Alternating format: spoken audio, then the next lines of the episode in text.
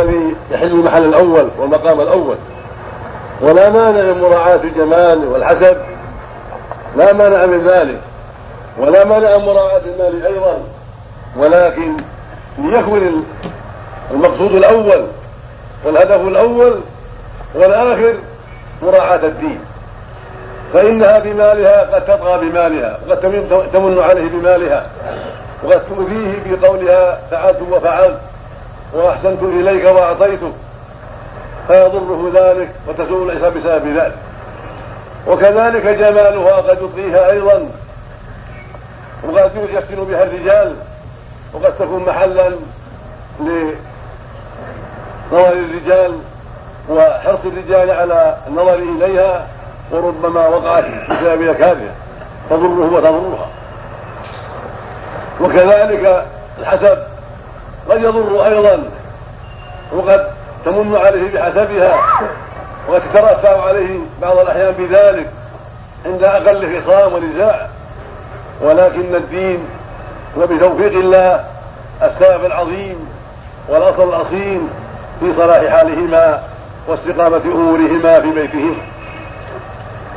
فدينها يمنعها من إيذائه ودينها يأمرها بطاعته والعناية ببيته وحفظ ماله وحفظ نفسها وفردها وعرضها ودينه كذلك يمنعه أيضا يمنعه أيضا من ظلمها والعدوان عليها وعدم إعطائها حقها.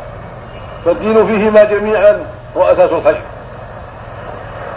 والله يقول جل وعلا وعاشروهن بالمعروف يأمر الأزواج اولا لانهما للسلطه الزوج هو القوي والأساس وهو القائم عليها ومظنه الظلم لها والعدوان عليها. فلهذا جاء الأمر بقوله سبحانه وعاشروهن بالمعروف. فهم الرجال مأمورون وعلى رأسهم الأزواج أن يعاشروا النساء بالمعروف. وكذلك والدها وأخوها وقراباتها يجب عليهم إنصافها والإحسان إليها وأن يعاشرها بالمعروف لا بالظلم والكبر والغطرسة والإيذاء والإساءة والترفع عليها والنظر إليها بعين الاحتقار فإنها ليضرها ويجعل حياتها جحيما وسوءا.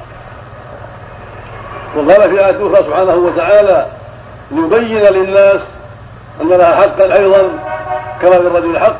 فقال جل وعلا ولهن مثل الذي عليهن بالمعروف. ولهن أي الأزواج مثل الذي عليهن بالمعروف. فكما أن له حقا فهي أيضا لها حق. فله عليها أن تطيعه في المعروف وأن تحفظ بيته وأن تحسن العشرة وأن تمكنه من نفسها وأن تحسن خطابها معه وأن لا تخرج من بيته إلا بإذنه وأن لا توطئ فراشه أحد إلا بإذنه. ولها عليه أيضا أن يكرمها وأن يحسن عشرتها وأن يؤدي حقها من الرزق بالمعروف والكسوة بالمعروف وأن لا يتعدى. هكذا ولهن مثل الذي عليهن بالمعروف وللرجال عليهن درجة فحقه عليها أكبر ولكن لها عليه حق فكما أن له فكما أن عليها أن تعاشره بالمعروف وأن تسمع له وتطيعه في المعروف فعليه أيضا هو أن يعاشرها بالمعروف. وأن يكون أسدا حصورا عليها ظالما لها. لا بل يخاطبها بالتي أحسن ويكلمها بالتي أحسن. ويعطيها حقها بالتي أحسن ولا يؤذيها لا بأفعاله ولا بأقواله. هكذا يجب عليه حتى يستقيم الحال بينهما وحتى تحسن العشرة بينهما. أما إذا كان يضيع حقوقها يسهر الليل عند فلان وفلان أو عند فلانة ولا حول ولا قوة إلا بالله فلانة ويضيعها ثم يريد منها أن تكون طيبة له وأن تكون حسنة العشرة وهو قد أساء عشرتها وأسهر ليلها وأتعب نهارها وضيع حقوقها. كيف تكون الحال؟ كيف تكون حسن كيف يكون حسن عشرة؟ مع هذا التفاوت مع هذا الظلم من الزوج وعدم الرعاية والعناية. ثم أيضا قد يكون سبابا شتاما في البيت. لا يخاطبها إلا بالسب والشتم والكلام السيء. فكل هذا من أسباب سوء العشرة ومن أسباب الفرقة ومن أسباب سوء الحال والاختلاف الطويل وجعل البيت حاجي جحيما بينهما. ولا دواء لهذا إلا طاعة الله والاستقامة على أمر الله وان يؤدي حقها وتؤدي حقه وان يعرف لها قدرها ويعرف لها حقها وان يعطيها ذلك كما تعطيه ذلك. فيتبادلان المعروف والرعاية والعفاف الطيبة وتعرف له حقه فتعطيه أكثر وتعرف له الدرجة التي فوقها فتعطيه أكثر ولكنه هو ينصفها ويعطيها حقوقها ولا يسيء إليها لا بفعاله ولا بكلامه. ويحذر هذا الحذر من أسباب الشر فإن السهر مع الفسقة في الخمور والفساد وفي الزنا والفواحش هذا من أعظم الأسباب في ظلمها والعدوان عليها. ومن أعظم الأسباب في سوء الحال ومن أعظم الأسباب في الطلاق. والفرقة بينهما كما هو واقع من كثير من الناس. يظلمها ويتعدى عليها ويسيء عشرتها ويقول لماذا لا تقم بكذا ولماذا لا تقم بكذا.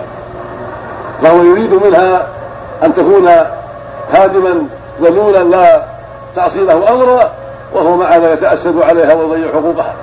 هذا من الظلم وسوء العشرة بين الزوجين. كذلك يجب عليه هو أن يطيع الله ورسوله وأن يستقيم على أمر الله في الصلوات وغيرها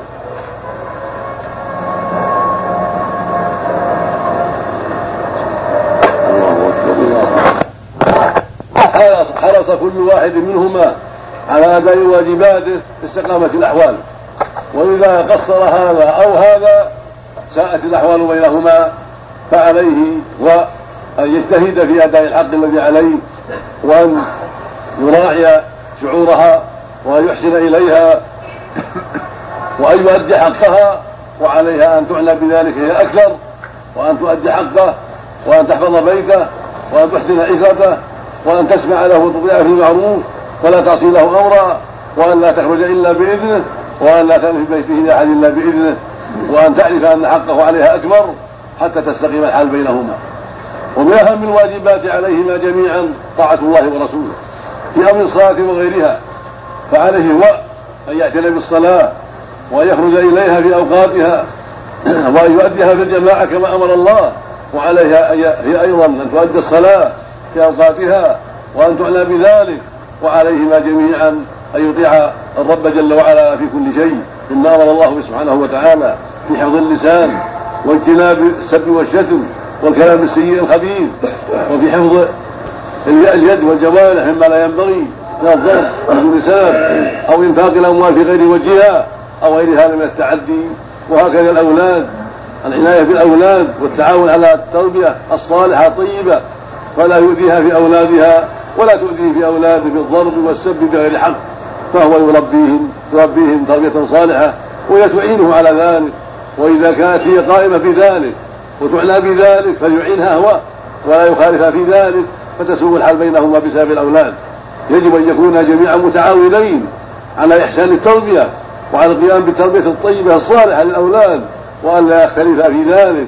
وإذا ساءت حال واحد منهما فليجتهد الآخر في إصلاح الحال ورأب الصدع والحرص على أن تكون الحال بينهما جيدة والعلاقة جيدة في تربية الأولاد والإحسان إلى الأولاد وإعطاء الأولاد حقوقهم من دون من دون زيادة تضر بالأولاد أو تقصير يضر بالأولاد بل بل يراعون في يراعيان في ذلك الحال المناسبة والحاجة التي لا بد منها مع الأولاد حتى لا تسوء الحال بينهم وبين الأولاد. ومن, ومن ذلك أيضا العناية بقرابة الزوج وقرابة الزوجة فربما جاء الشر من عدم رعايتها لقراباته.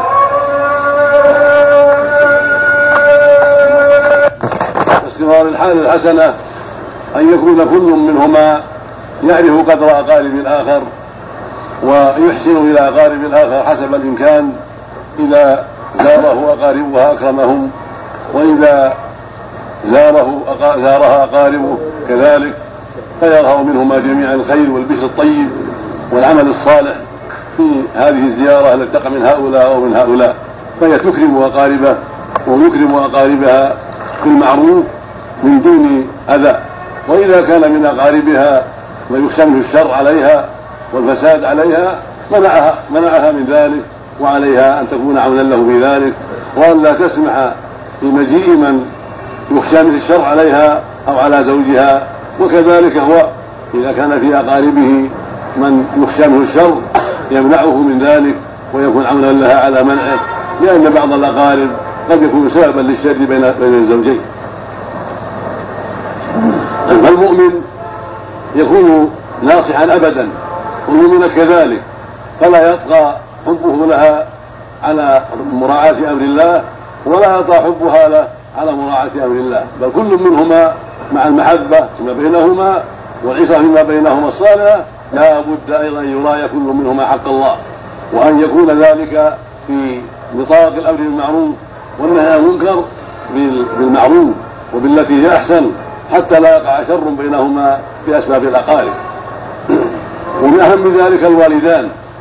فعليه فعليها أن تعنى بوالديه وأن تحسن إلى والديه. ولا سيما مع الكبر فعليها أن تكون جيدة المعاشرة الوالدين والإحسان الوالدين فإن كثيرا من الأزواج يطلقها بسبب سوء حالها مع أمه أو مع أبيه. هذا واقع كثيرا فعليها وينبغي لها أن تعنى بهذا وأن تعرف حق والدته ووالده الكلام الطيب والفعل الطيب حسب طاقتها وإمكانها. ومما ينبغي أن ينتبه له الزوج ألا يستغل قول الله عز وجل وللرجال عليهن درجة ويجعل الحق كله له ويضيع حقها بالكلية. كثير من الأزواج يستغل الدرجة التي له ويضيع الحقوق التي لها ويرى الحق له دائما وأبدا وهذا من الظلم.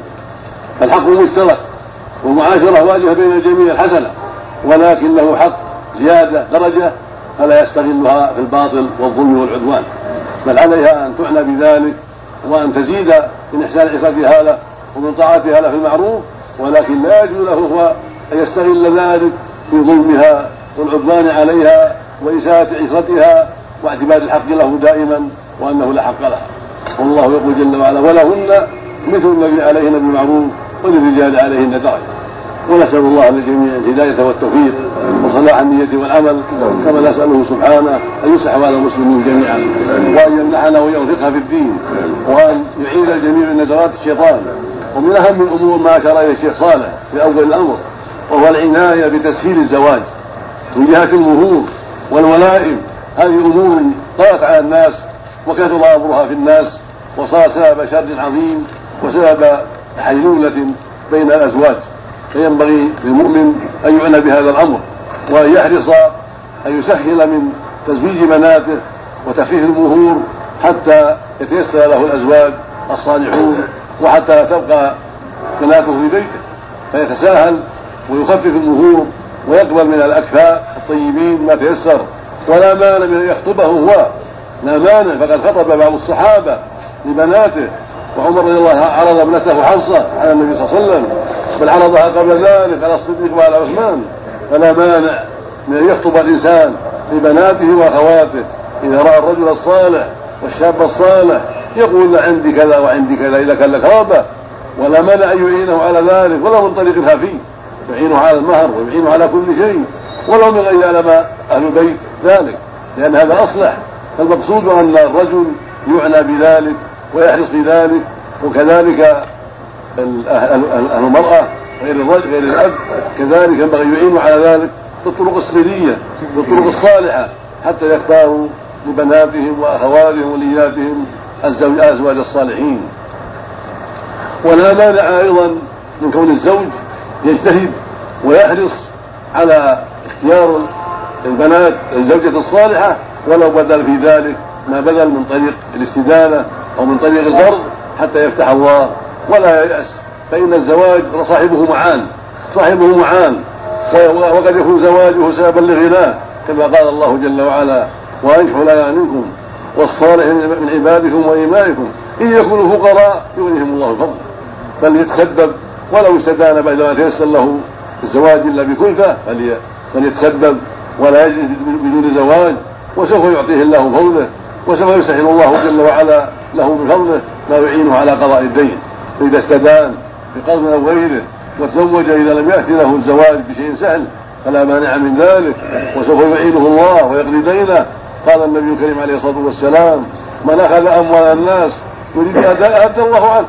فالإنسان إذا أخذ الأموال بنية صالحة بنية الأداء ليعف نفسه وأن يغض بصره ويحفظ فرجه هذا له أجر عظيم ويرجى له الخير العظيم وسوف يقضي الله عنه سبحانه وتعالى ما استدانه ومثله يعطى من الزكاة مثل هذا يعطى من الزكاة ما يعينه على الزواج.